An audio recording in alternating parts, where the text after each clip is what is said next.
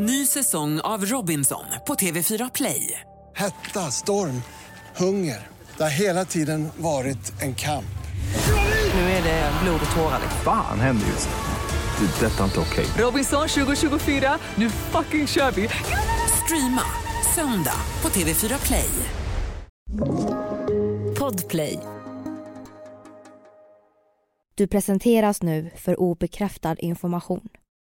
Var därför kritisk till materialet som bygger på fiktion, åsikter och vinklad fakta. Podcasten kan inte ses som en trovärdig källa.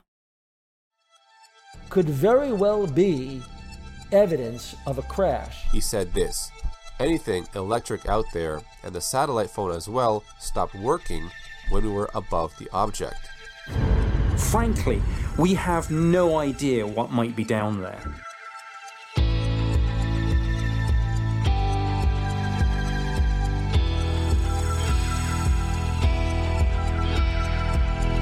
Det här är podden för dig som är intresserad av en annan version av verkligheten. En version som tar upp alternativa teorier, mystiska sammanträffanden och diskussioner om vad som kan vara sant. Mitt namn är Vivi. Och mitt namn är Aida. Och det här är konspirationsteorier.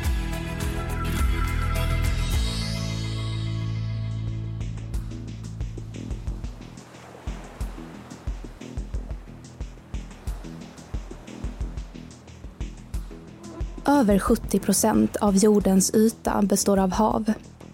Men skrämmande nog har människan bara utforskat ungefär 5 procent av havets botten. Resterande 95 procent är fortfarande ett stort frågetecken. Det blir ganska läskigt att tänka på att vi faktiskt inte har någon aning om vad som försiggår i det stora svarta djupet. Bermuda-triangeln, Djävulens hav, Loch Ness-djuret och Atlantis är bara några exempel på havets stora gåtor. Men djupt nere på havets botten gömmer sig betydligt fler mysterier. I dagens avsnitt ska vi dyka ner i Östersjön. För lite över tio år sedan, sommaren 2011, gjordes en märklig och något oväntad upptäckt mellan Sverige och Finland. Ett cirkulärt föremål på Östersjöns botten som väckt liv i teorier om ett undervattens Stonehenge, utomjordiska farkoster och rester från den försvunna kontinenten Atlantis. Vad är föremålet för något? Och var kommer det ifrån? Det ska vi prata om idag när vi ska diskutera en konspirationsteori om Östersjömysteriet.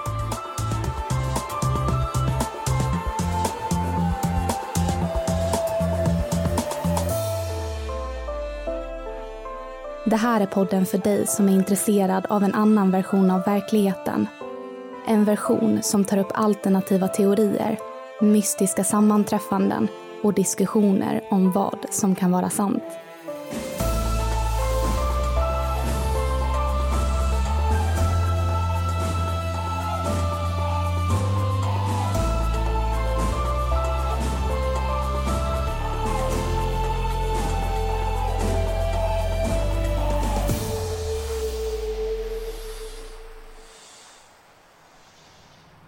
Historien vi ska berätta för er idag har sin början den 11 juni 2011 då nio skattletande dykare från det svenska företaget Ocean X-Team gav sig ut på en expedition.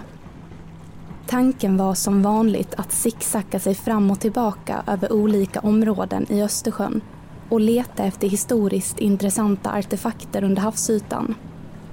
Hittar de förlista skeppsvrak med alkoholhaltiga drycker som vin, champagne och konjak var en riktigt lyckad skattjakt.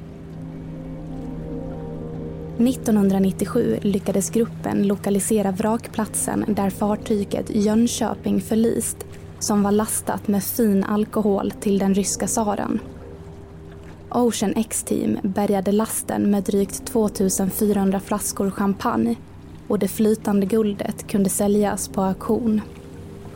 Denna expedition som skulle ta dem norr om Åland skulle förhoppningsvis resultera i något liknande. Den 19 juli 2011 var en lugn och stilla natt. Det hade gått nio dagar sedan expeditionen startade men de stod fortfarande tomhänta. Under de tidiga morgontimmarna satt delar av besättningen och stirrade på sonarskärmen. Resan hade inte gått så smidigt som de hoppats. Båten läckte vatten och det var helt enkelt dags att röra sig tillbaka mot svensk mark. På tillbakavägen fanns däremot en vrakplats som de inte ville missa. Men plötsligt dök det upp något märkligt på monitorn. Bilden på skannerskärmen visade, till deras stora förvåning, inget skeppsvrak. Skatten de stött på var något helt annat. På 87 meters djup låg en gigantisk rund formation, runt 3000 kvadratmeter stor. Trots besättningens cirka 20 år i branschen var synen inget de varit med om tidigare.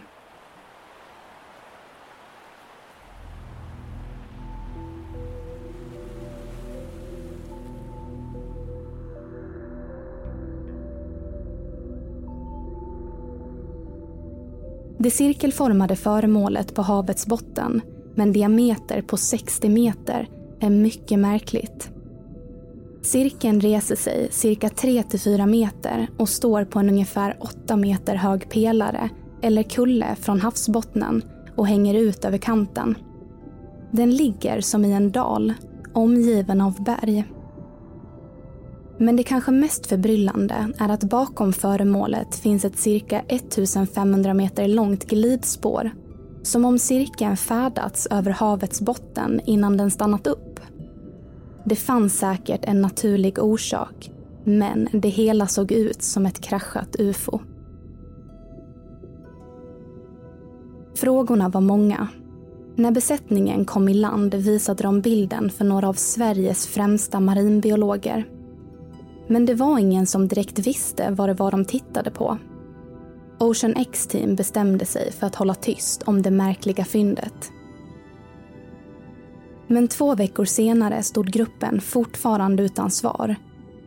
Men nu kunde de inte längre hålla tyst om vad det var de hade sett där nere på Östersjöns botten och publicerade en bild på nätet.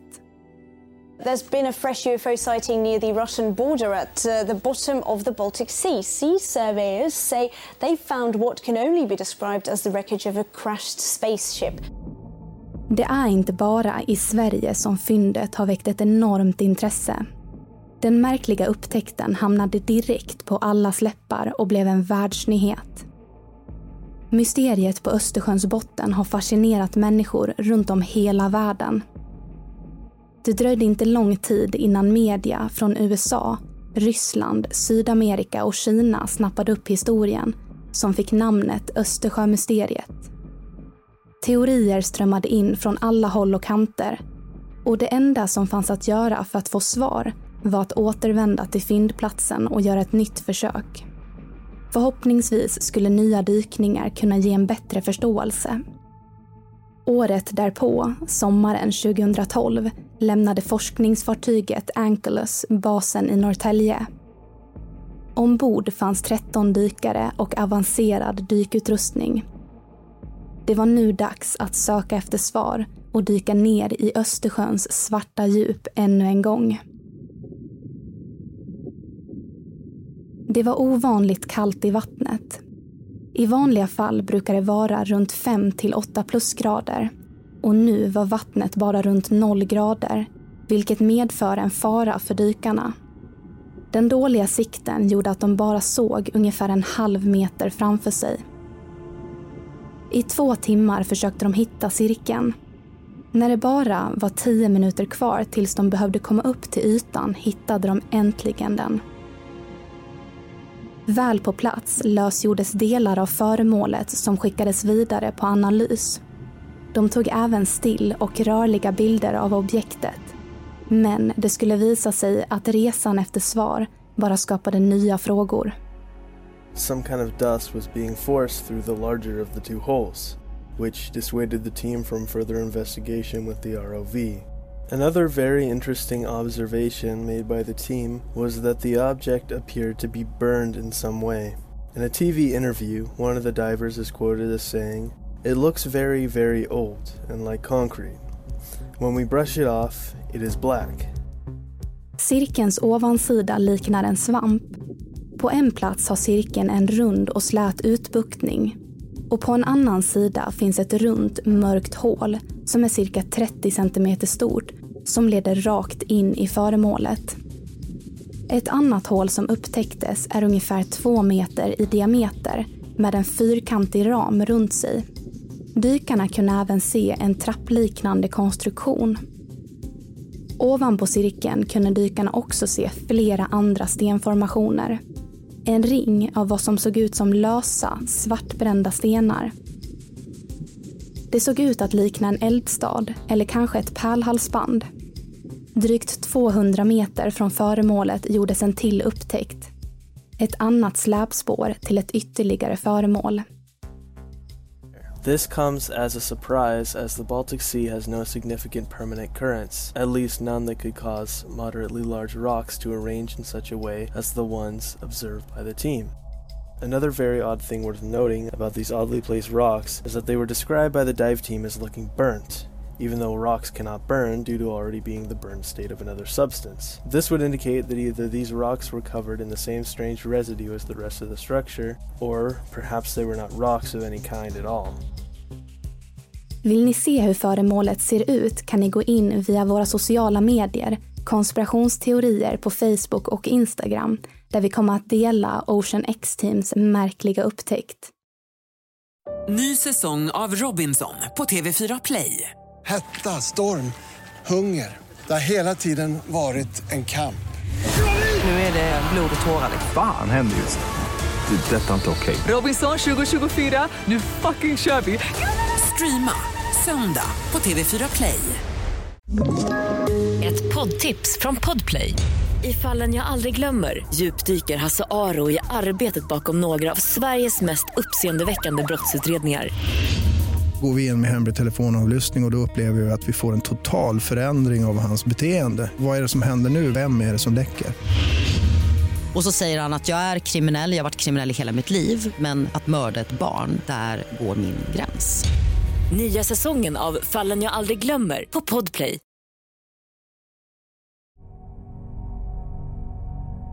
Ingen vet säkert vad det är som ligger där nere.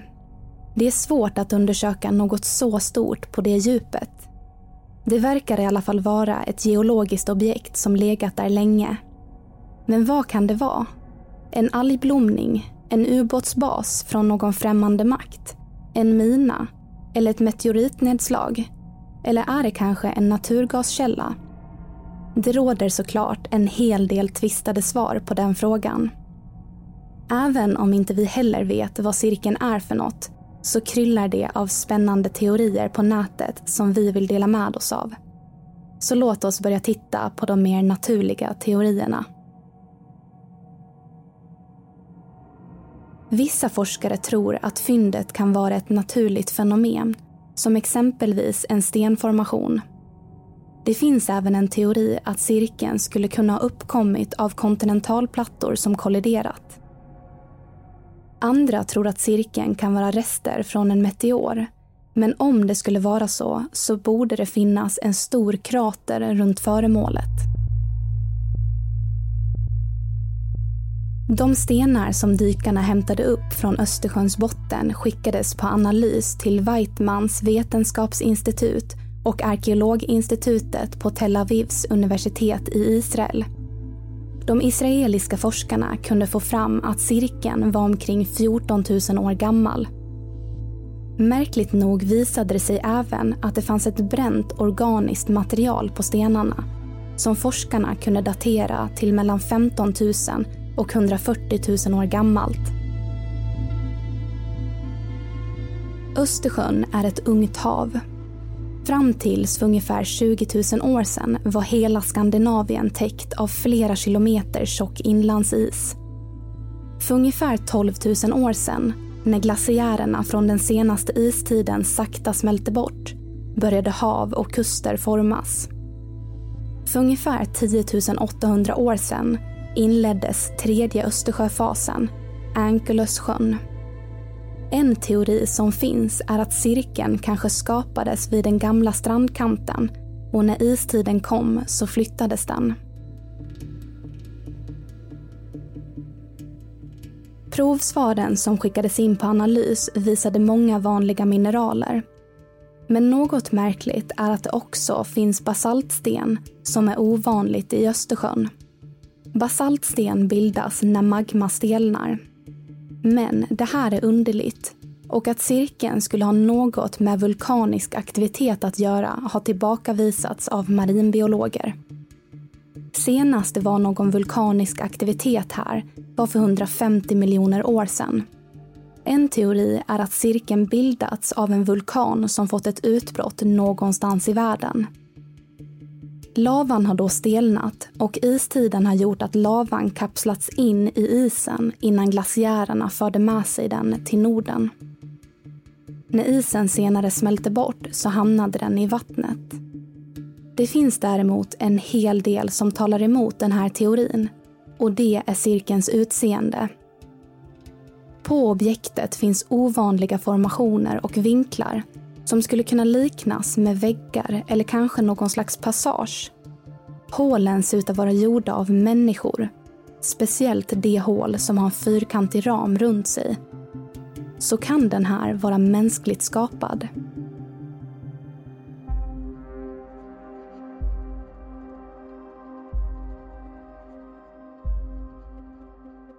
En idé som cirkulerat är att cirkeln kanske är rester från en fyr, ett fundament eller ett avskjutet vapentorn från ett krigsfartyg. Eller kanske att fyndet kan vara en gammal ubåtsbas eller ett ryskt fartyg som försvann på 1700-talet. Den ryska tidningen Pravda publicerade en artikel att fyndet kanske var en nazistisk undervattensbas som användes för att gömma vapen för att attackera ubåtar och fartyg. Enligt en tidigare kapten från den svenska ubåtsflottan liknar cirkeln ett betongfundament. Cirkeln skulle då kunna vara rester från en tysk ubåtsfälla som användes för att hindra Sovjets ubåtar från att lämna Finska viken under andra världskriget. En annan tanke är att föremålet kanske är gjutskägg Enligt dykarna såg cirkeln ut att vara gjuten i cement och materialet upplevdes som förkolnat. Under 1900-talet så dumpade Sovjet eller Ryssland C-stridsmedel och radioaktivt avfall i Östersjön i hemlighet.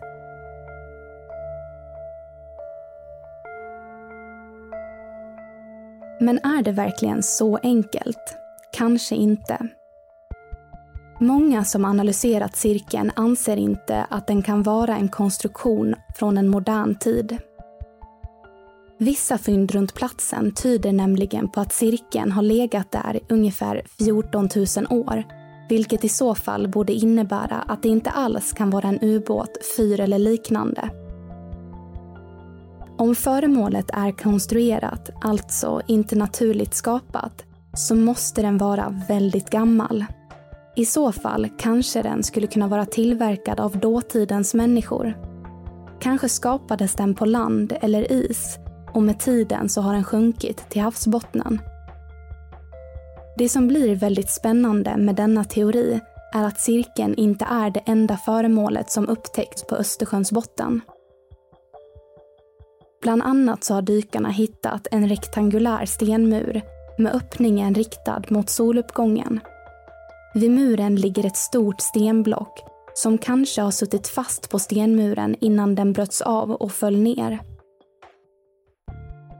Det finns även andra stenformationer runt cirkeln. De ligger som i ett mönster som påminner om Orions bälte.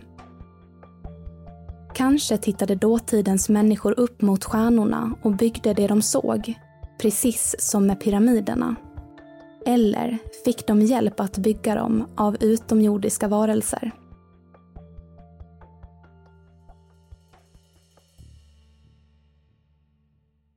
Något som också är väldigt märkligt är att dykarteamet har rapporterat att all elektronisk utrustning slutade fungera när de befann sig inom 200 meter från cirkeln.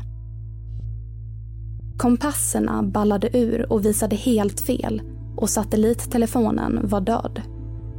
Det var som om föremålet sände ut något fält som störde utrustningen. För oss väcker cirkelns märkliga utseende, släpspåren på havsbottnen och de elektroniska störningarna omedelbart en tanke. Kan det kanske vara en kraschad farkost från en annan planet? Kan det här vara ytterligare ett tecken på att jorden fått besök från forntida astronauter som besökte vår planet för hundratals år sedan?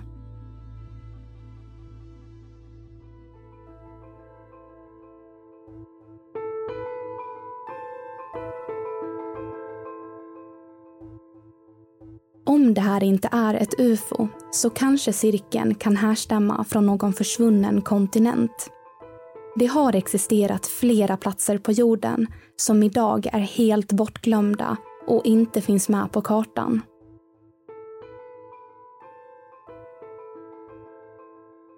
En legend om en sådan plats är den försvunna kontinenten Atlantis. Ett högkulturellt och teknologiskt samhälle som möjligtvis fanns på jorden för tusentals år sedan. I historien om Atlantis berättas om invånarnas girighet och maktmissbruk som till slut gjorde att gudarna tröttnade och en natt inträffade katastrofen som tog riket under ytan. Några bevis att denna teknologiska stormakt har funnits på jorden har dessvärre inte gått att finna, än. En annan försvunnen kontinent som kanske fanns här på jorden under samma tid som Atlantis är Lemurien. Det sägs att dessa utvecklade samhällen till en början levde samexisterat med varandra. Men till slut uppstod det meningsskiljaktigheter vilket resulterade i krig och förödelse. Och de båda kontinenterna gick förlorade. Intressant nog så finns det berättelser om luftstrider mellan Atlantis och Lemurien med mäktiga flygande farkoster som kallas vimanor. Och kanske kan det vara just en sådan farkost som ligger på havsbottnen i Östersjön. Ny säsong av Robinson på TV4 Play. Hetta, storm, hunger. Det har hela tiden varit en kamp. Nu är det blod och tårar. Fan händer just det. Det är detta inte okej. Robinson 2024, nu fucking kör vi! Streama söndag på TV4 Play. Ett poddtips från Podplay. I fallen jag aldrig glömmer djupdyker Hasse Aro i arbetet bakom några av Sveriges mest uppseendeväckande brottsutredningar. Går vi in med hemlig telefonavlyssning och, och då upplever vi att vi får en total förändring av hans beteende. Vad är det som händer nu? Vem är det som läcker? Och så säger han att jag är kriminell, jag har varit kriminell i hela mitt liv men att mörda ett barn, där går min gräns. Nya säsongen av Fallen jag aldrig glömmer på Podplay.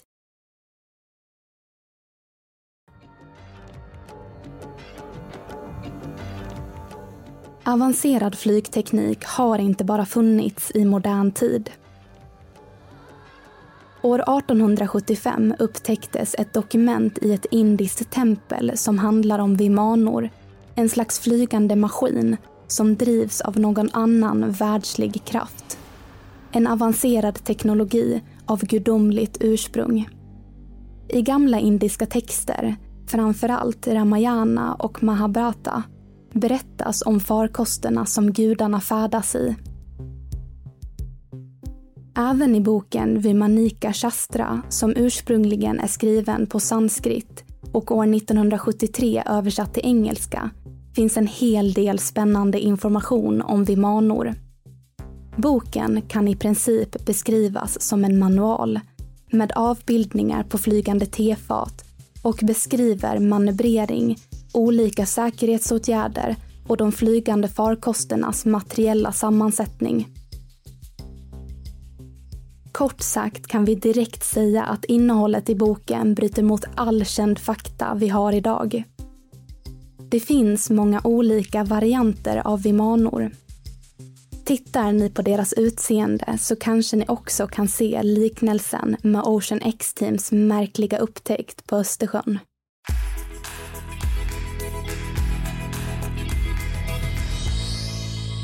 Hej allihopa och välkomna till dagens avsnitt om ja, ufot i Östersjön. Vi heter Vivian Lee och Aida Engvall och det är vi som driver den här podden. Hallå, hallå. Det första jag vill säga är att eh, det finns en väldigt bra intressant film om detta om ni vill veta mer om eh, mysteriet i Östersjön. Den finns på Ocean X Teams Youtube. Den heter The Mystery Beneath. Så när ni har lyssnat färdigt, gå in och titta på den. För eh, den är mega intressant. Det här mysteriet, det, när det exploderade så var det verkligen en grej som drog extra mycket uppmärksamhet till det. För det är ju då cirkelns utseende. Och ni som har sett Star Wars, ni eh, förstår säkert vad jag menar, för att den här är väldigt lik eh, Millennium Falcon, alltså det skeppet som de åker i. Den och cirkeln ser liksom basically likadana ut, eh, så att det blev ju det här blev ju liksom Millennium Falcon på Östersjön. Jag har dock inte sett Star Wars själv så att jag kan inte riktigt förstå eh, det själv. Men när man kollar på bilder så ser jag det. Nej, min kille kollar ju på Star Wars och älskar Star Wars så att han hade nog bara wow, vad roligt. Men innan vi ska hoppa in i vår första teori så kanske du Aida kan förklara lite vad fjärrsyn är för något, för det är ju väldigt viktigt i det här. Ja, fjärrsyn, alltså det handlar om en påstådd förmåga att, eh, alltså att någon kan se ett objekt eller redogöra för en händelse på avstånd som man inte kan göra via våra normala sinnen, så alltså typ något form av sjätte sinne. Alltså att en person sitter på en plats och har ingen vetskap om vad det är för någonting, men att den ändå kan se och redogöra för någonting som har hänt eller hur någonting ser ut. Typ en siare, typ, eh, typ Rasputin. Ja, lite hokus pokus kanske många tycker, men det här blir faktiskt väldigt intressant nu när vi ska gå in i teorin. Det är ju då nämligen så här att vi har sett en Youtube-video där det då sägs att Oceans X Team hade kontakt med ett företag som då höll på med något som kallas för remote viewing och det är alltså på svenska kallat för fjärrsyn, det vill säga personer med ett sjätte sinne. Och det här företaget hette då Transception som då ja, sysslade med det här. Och grejen är ju så här att efter första dykningen i juni 2011 så hade inte Ocean X sådär jättemycket information om just den här cirkeln. Ja, alltså undersökte inte det så jättenoga just vid det tillfället. Och grejen är så här då att efter det så ja, kontaktade de då Transception, det här äh, fjärrsynsföretaget eller vad man ska kalla det. Och de här personerna då som gjorde den här fjärrsynen såg massa detaljer och kom med ny information och grejer som faktiskt visade sig stämma överens med vad Oceans X team då faktiskt såg vid deras andra dykning. Ja, det är ju helt eh, stört. Verkligen, det är väldigt intressant. För att, ja, som jag sa innan, man kan tycka att det här är väldigt hokus pokus, men när, när det visar sig vara sant och när det också handlar om att de här personerna som gör fjärrsynen har inte sett någonting. De har inte hört någonting, de har inte sett några bilder, de vet ingenting. Att de kommer på det, det tycker jag är väldigt intressant. Ja, för så slumpen kan bara funka någon gång. Precis, men nu... Inte så många gånger. Exakt, och nu var det också sju sessioner de hade det. Mm. Så att eh, det här ska bli väldigt intressant. Är det här också väldigt intressant för att företaget hette då Transception som jag sa. Men grejen är ju den att det finns inte så mycket om dem. Det finns inte alls mycket information om dem förutom då på ja, en plats som heter Wayback Machine. Men det kanske du kan förklara mer det? Eh, ja, precis. Det är, det är en hemsida där man kan se typ hur, gam, hur hemsidor har sett ut förr i tiden. Man kan gå in där och knappa in liksom en sajt och sen kan man bläddra tillbaka och välja ett specifikt datum så kan man se vad som fanns på den sajten just där och då. Och eh, så här, det som är spännande med just eh, de här transepsen är ju att så här, har de bara upphört att existera? Eller så här, vad, vad har hänt med dem? Vilka är de? Ja, det blir väldigt intressant eftersom att man inte vet någonting om dem. Alltså, och det finns ingen information. Nej, precis. Men vi vill kanske veta lite mer vad de fick fram. Så Det är nämligen så att Transception då gjorde en analys och dessa analyser gjordes då i sju sessioner. Och dessa sessioner var då riktade på Östersjöns cirkel, alltså det då man hade funnit i botten. Och som sagt, det är ju personer som gör fjärrsyn. Så de här personerna då, de antyder då att den här platsen verkade vara någon form av så gruv eller plats. De pratar även om ifall det kunde vara någon form av återförsörjningsanläggning och de snackar även om att den här, äh, ja men, det här föremålet då även hade en komplex struktur. De pratade även om att det fanns ja men så här, något speciellt typ av lås i det här föremålet då. Och eh, de här fjärrsynspersonerna då, de tolkade det lite som damm eller som en barriär runt det hela. Och de pratar också om att så här, den finns där för att liksom, ja, kontrollera jag vet inte, vatten kanske. Ja, det, det är lite oklart så att de här personerna tyckte det också. Och de pratar även om att det kan ha varit så att det har använts vid framställning av någon form av välbehövlig trögflytande substans. Så den här substansen var då väldigt mörkfärgad och faktiskt kanske giftig. De pratar även om att den här substansen man säger, hade då en extremt värdefull, eh, alltså ett värdefullt syfte. Det var liksom ett värdefullt element eller material som då bara kunde utvinnas där. Och man pratar också om att under det här äh, ja, stora föremålet, eller vad man ska kalla det, så finns det en gigantisk kammare där nere. Och eh, de pratar även om att det kanske finns ett nätverk av rör eller på något sätt ett anslutande schakt. Och allt det här är ju då under det här föremålet. Så att om du tänker att det är, eh, om du tänker att föremålet är på botten så är det liksom under där. Det här är ju bara så vad de har pratat om, det är ju inte fakta än. Mm. Så de har också pratat om att de här personerna eller varelserna eller vad man ska kalla det som då har varit ansvariga för det här området då på något sätt hade ja, någon form av så här speciell ansiktsmask på sig eller så här, skydd helt enkelt för att skydda dem från miljön. För att då miljön förmodligen var väldigt giftig.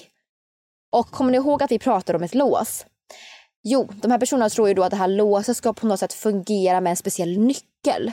Men den här nyckeln saknas och det är ju inte så konstigt för att det här är ett gammalt föremål. Ehm, och de tror också att 90% av den här platsen är väldigt underjordisk. Så. Alltså att den på något sätt har en utomjordisk koppling. Vilket jag tycker är väldigt intressant. Sen så har de här äh, fjärrsynspersonerna också eh, känt av att så här, äh, de insisterar helt enkelt på att mänskligheten då är inte redo för den här kunskapen.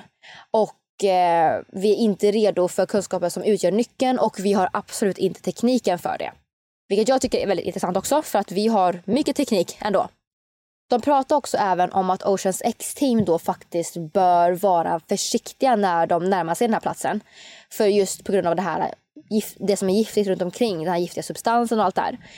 Och det är ju inte bara en fjärrsynsperson som har sett det, utan det är ju flera som har liksom känt av att det är farlig energi kring den här platsen. Och en utav de här äh, fjärrsynspersonerna, eller vad man ska kalla dem, heter då Edward Riordan. Och han sammanfattar då vad han såg på sin hemsida. Och det tänker jag att jag återberättar lite snabbt. Så han nämner då att den 11 augusti 2011 så blev han då kontaktad av Transception. För att Transception, kom ihåg, Transception är det här företaget då som har de här fjärrsynspersonerna. Och de bad helt enkelt honom att ja, utföra en så kallad fjärrvisningssession. Då. Och under den här sessionen så uppfattade han då ett föremål som var runt, det var stort och metalliskt. Och det här föremålet var väldigt gammalt men det var ju då nyupptäckt så för oss var det nytt men själva föremålet är otroligt gammalt. Och han pratade om att det påminde om ett ufo. Och han nämnde även att det här objektet hade någon form av ventilationsaxlar som på något sätt avgav värme. Alltså det sjuka med eh, allt det här eh, är ju att de här personerna inte har sett det här innan och ändå kan, eh, och de har inte läst om det, de har inte sett föremålet. Och ändå så kan de så här, säga så exakta grejer om det eh, och komma på så mycket som faktiskt stämmer. För jag menar, det finns ju mycket intressanta likheter med vad de berättar med vad som faktiskt visade sig, alltså vad dykarna faktiskt såg där nere. Jag tycker det är väldigt, eh, väldigt spännande. Ja, för att det är klart att det finns, alltså oj, okej, det här var liksom en slump. Men Mm. Kan det verkligen vara en slump med sju personer? Ja, precis. Nej, jag, jag tycker inte det. Nej, inte jag heller. Och en annan grej som jag även vill tillägga är ju att UFO är ju egentligen ett begrepp för saker i luften. Så att om vi ska prata om det här objektet som då är ja, i vattnet så ska man egentligen kalla det för USO. För USO står då för Unidentified Submerged Object eller Sunken Object. Då. Att helt enkelt oidentifierad sjunken, sjunket objekt. Så så att i vatten så pratar man om USO och i luft så pratar man om UFO. Men nu sa vi UFO för att det är kanske lättare för många lyssnare att bara relatera till det. Men eh, som alla sa, det är väldigt intressant kring med att de, alltså det är väldigt intressant kring att de hade en vision på vad det kunde vara och att det stämde överens med vad faktiskt eh, dykarna såg. Det, det, här är ju inte det första fallet där man har använt sånt här, sån här remote viewing. Alltså det har man ju gjort vid andra tillfällen. Och eh, typ jag har läst någonstans att eh, någon har gjort det angående liksom typ hur de byggde pyramiderna i Giza. Och då så var det en person då som också hade sett att eh, de här varelserna eller människorna eller vad han nu såg eh, också hade burit ansiktsmask. Och eh, det intressanta med det är ju om det har varit någon form av gruvdrift i, inblandat i detta och det så sa ju de att de också hade sett. Och eh, jag vet inte riktigt eh, om det är en, stora stenar och sånt där, då kanske man behöver det. Men det är mycket i den här världen som är ett mysterium skulle jag säga. Och något annat som är väldigt märkligt eh, med cirkeln är att eh, när dykarteamet var där ute så sa de, eller så har det visat sig att deras mätningar visade att området var radioaktivt. Och när de hade dykt färdigt där så mätte de radioaktiviteten på den utrustning som de hade använt, alltså deras kameror och grejer. Och då visade de mätningarna 0,3 millisievert.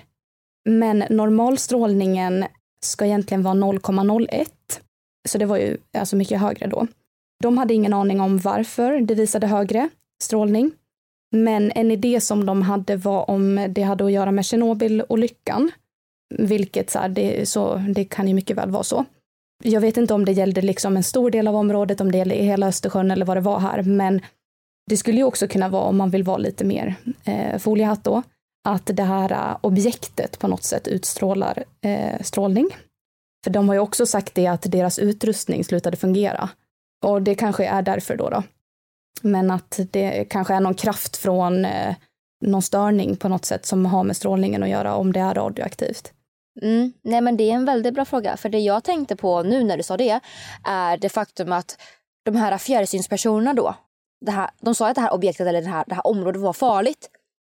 Och jag funderar på så här, kan det ha att göra med vad fjärrsynspersonerna sa om att de här eh, individerna eller varelserna eller vad man säger, som höll på och arbetade vid den här platsen, om det de har gjort har spridit radioaktivitet. Alltså den här oljesubstansen eller vad det kan vara som de har gjort. Att det är radioaktivt. Ja. Alltså jag fick lite känsla när du berättade om det. Eh, att så här, de håller på att utvinna olja eller någonting. Det låter typ som det. Kanske. Det vet vi inte. Men eh, nej, alltså, och så här, vi får tänka också på att så här, eh, om det här är så gammalt som man tror att det är så måste vi tänka bak till istiden. Och eh, jag vet inte riktigt hur miljön och sånt var då. Men det kanske har byggts på land, de kanske har gjort någonting där med att utvinna grejer, den har liksom färdats dit på någon vänster. Ja men precis, på grund av det så är det svårt att kunna fastslå vad cirkeln faktiskt kan vara. Och det här har ju då gjort vissa människor väldigt skeptiska till att det exempelvis är ett ufo eller liknande. För den information som har getts har varit så vag att den nästan framstår som att det är ett ufo. De har liksom spett på det så himla mycket och de har spett på, spett på jättemycket mystik kring det för att, ja, marknadsföring, jag vet inte. Så folk har ju blivit väldigt kritiska till det. Och oavsett vad det är så känns det ändå värt att på något sätt undersöka det. Alltså jag vet inte, det känns bara värt att undersöka det för att vi kan ju inte, vi kan ju inte identifiera vad det är. Man behöver ju inte bara söka efter svar när det gäller mystiska saker utan alltså vi kan ju faktiskt försöka komma på vad det är för något bara för vetenskapens skull. Alltså. Nej, jag håller med. Alltså hundra procent. Alltså, oavsett om det är en sten eller ett ufo så vill man ju veta vad det är. Det är ju en ashäftig sten i så fall. Man vill ju veta vad det är för typ av sten eller om det har med vulkanisk aktivitet att göra eller vad sjutton det är för någonting. Vi behöver ju inte bara undersöka det bara för att det är ett ufo. Och någonting jag tänker på är också så här, äh, tänk den informationen vi får. För det är väl det som är grejen, det är ju väldigt dyrt att kanske göra det här. Ja, precis. Dykarna har ju varit, alltså Ocean X-team har varit där nere fem gånger. Däremot så har alla resor inte gett något nytt. Och det har kostat oerhört mycket för dem att fortsätta upptäcka. Vi får komma ihåg att det här företaget sysslade ju inte med detta utan de liksom är ju skattletare. De letar ju efter saker de kan bärga upp och sälja på auktion. Men det här har de ju gjort liksom av rent intresse för att de har vilja, eh, alltså velat veta mer om det. Så det har ju kostat att ha dykare, experter, eh, marinbiologer, ja, maringeologer, båtar, teknik, kameror, you name it. Jag har hört att det kostar upp mot 100 000 per dag för dem. Och då får man ju också räkna med vädret, för att det behöver ju vara bra väderlag när man ska ut och dyka. Det kan ju inte vara för mycket dimma eller eh, vad heter det, vågor, eh, sådana grejer. Och det här är ju liksom inte det de egentligen tjänar pengar på. Sen har det också varit eh, väldigt svårt för dem att hitta sponsorer för att kunna undersöka det här mer. För att det här exploderade ju som ett ufo. Och det har inte varit många företag som har velat haft den här ufo-stämpeln på sig. De har inte heller fått någon sponsring av staten då. Efter att det kom ut att det var ett ufo och sånt där så hamnade det lite på is för att många typ trodde då eh, sen att det var en sten. Och vi vet ju fortfarande inte vad det är, men det blev ändå den uppfattningen att det var bara en sten. Då hamnade det ju givetvis på is. Och sen typ har ju också många trott att det här var ett, har varit ett PR-trick. Så att nu har ju Ocean X-team har ju behövt övertyga folk för att kunna sponsra dem, för att kunna få veta mer, för att det är ingen sten, eller så här, de vet inte om det är en sten eller inte. Men alltså tänk att vara dem, att försöka få sponsorer och jobba hårt för det, men de tror inte på dem, så att då måste de jobba ännu mer för att övertala dem. Det blir ju dubbelt upp med arbete. Ja, ja, det blir verkligen jobb på jobb. Och då har de inte ens gjort jobbet. Nej, exakt. För att som sagt, alltså, oavsett vad det är där så vill man ju ändå veta. För att vi, alltså, vi får ju kunskap. Det är det. Ja, inget kan ersätta kunskap. Hallå? Nej. Och eh, det finns en annan rolig grej om vad det här stället kan vara. Jag har faktiskt också tittat, eh, för ni vet det finns ju de här Vile Vortices, typ som Bermuda-triangeln och Djävulens hav. Jag tittade på eh, om det skulle kunna vara någon sån plats, men det är inte en sån plats. De här ligger liksom längre ner, närmare ekvatorn, så att det är i alla fall ingen sådan plats. Eh, bara så vi kan stryka det från listan. En annan grej som det har pratats om är ju om det här kan vara någon underjordisk eh, bunker eller någonting sånt där. Vi har ju de här eh, fjärrsynspersonerna om att det var schakt och grejer. Och en eh, teori är ju att det är en underjordisk nazistbas. Och det finns ju, det pratas ju om sådana runt om hela världen. Det pratas om att nazisterna har någon bas på månen och så här inuti jorden och allt möjligt. I alla fall, den ryska tidningen Pravda publicerade ju en artikel om att det här kanske var en sån och vem vet, det kanske är det. I don't know. Nej, vi vet ju inte. Men en grej som vi har pratat om, du och jag, Ida, innan vi spelade in, det var ju det faktum att men det kanske inte är det alls för att det här föremålet är för gammalt om man tänker med tid. Ja, och fynden runt platsen tydde ju på att det här var äldre än så. Så eh, det kanske inte är det. Eh, eller så har man bara plockat upp fel sten. Ja, men jag tänker att man kan stryka det från listan. En annan grej som också är väldigt intressant, det är en artikel från Forskning och framsteg. Artikeln heter då Mystiska former på Östersjöns botten från 2017. I artikeln så skriver de att en maringeolog var ute på Östersjön för att skapa 3D-bilder av havsbotten, eller havsbottnen, i syftet att då undersöka geologiska spår från istiden och så vidare. Och något som är intressant då är ju då att han såg formationer som liknade meterstora trappsteg med vertikala kanter. Jag vet inte om det här är samma, om det är cirkeln eller om man har sett något annat. Och om den här personen har sett något annat, då är det här mega intressant. Vad 17 är det på Östersjöns botten överlag då? Det finns en cirkel, det finns trappsteg. Vad finns det mer? Vi måste ju ut och undersöka Östersjön känner jag för att alltså, det verkar ju finnas jättemycket spännande grejer där som vi inte har någon aning om vad det är. Och alltså, för jag tänker ju typ att det här är lite som våra pyramider. Ja, det kan man definitivt tänka. Jag tycker också det är väldigt intressant, men eh, jag eh, vågar inte åka ner där. Det får någon annan göra. Nej, nej. Men alltså för att alltså, liksom de här vertikala kanterna och eh, så här, vad säger man, räta vinklar och sånt. Sånt kan ju inte uppkomma om inte någon har gjort det. Det, blir, det är ju för perfekt. Så, så någon måste ju ha gjort det här och nu vill vi veta vem. Och varför. Kom ut och berätta för oss. ja, ja exakt. Please. Ja. Alltså jag vill veta. Ja, jag med. Och ifall ni har mer att tillägga kring det här eller ännu mer information för att ni har grottat ner ännu mer än vad vi har så får ni jättegärna skriva till oss på vår Instagram som heter konspirationsteorier. Kom ihåg att vi också att vi också har en Facebookgrupp där vi heter konspirationsteorier eftersnack. Där kan ni tillsammans diskutera om vad ni tror kan vara i Östersjöns botten och ja. Ja, är det här ett ufo? Är det en sten? Är det en eh, underjordisk bas? Eh, ja, vi vill veta vad ni tror. Ja, så uppdatera oss ifall ni hör något. Vi hoppas att ni har njutit av det här avsnittet för det är inte varje dag man stöter på mystiska objekt i just Sverige. Det blir väldigt nära och väldigt, väldigt spännande. Japp, men mina kära lyssnare, detta var allt för den här säsongen. Så vi får helt enkelt säga hej då från oss och vi önskar er såklart en fantastisk sommar. Så ta hand om er så hörs vi till höst. Det gör vi. Hej då! Hej då!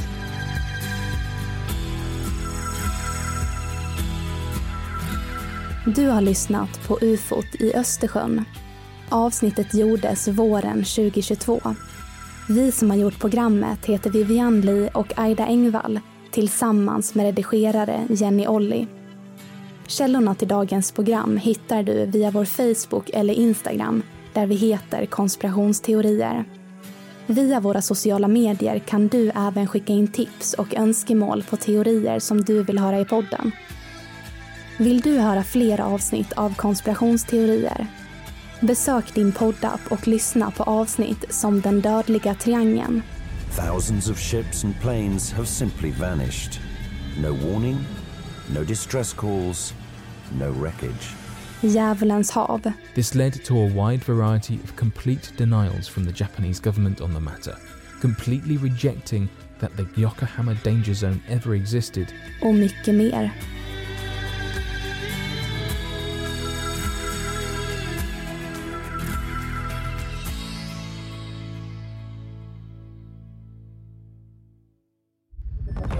Podplay, en del av Power Media.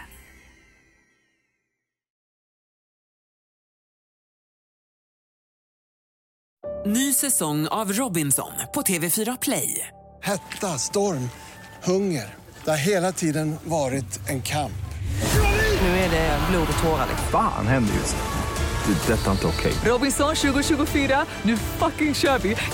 Streama söndag på TV4 Play.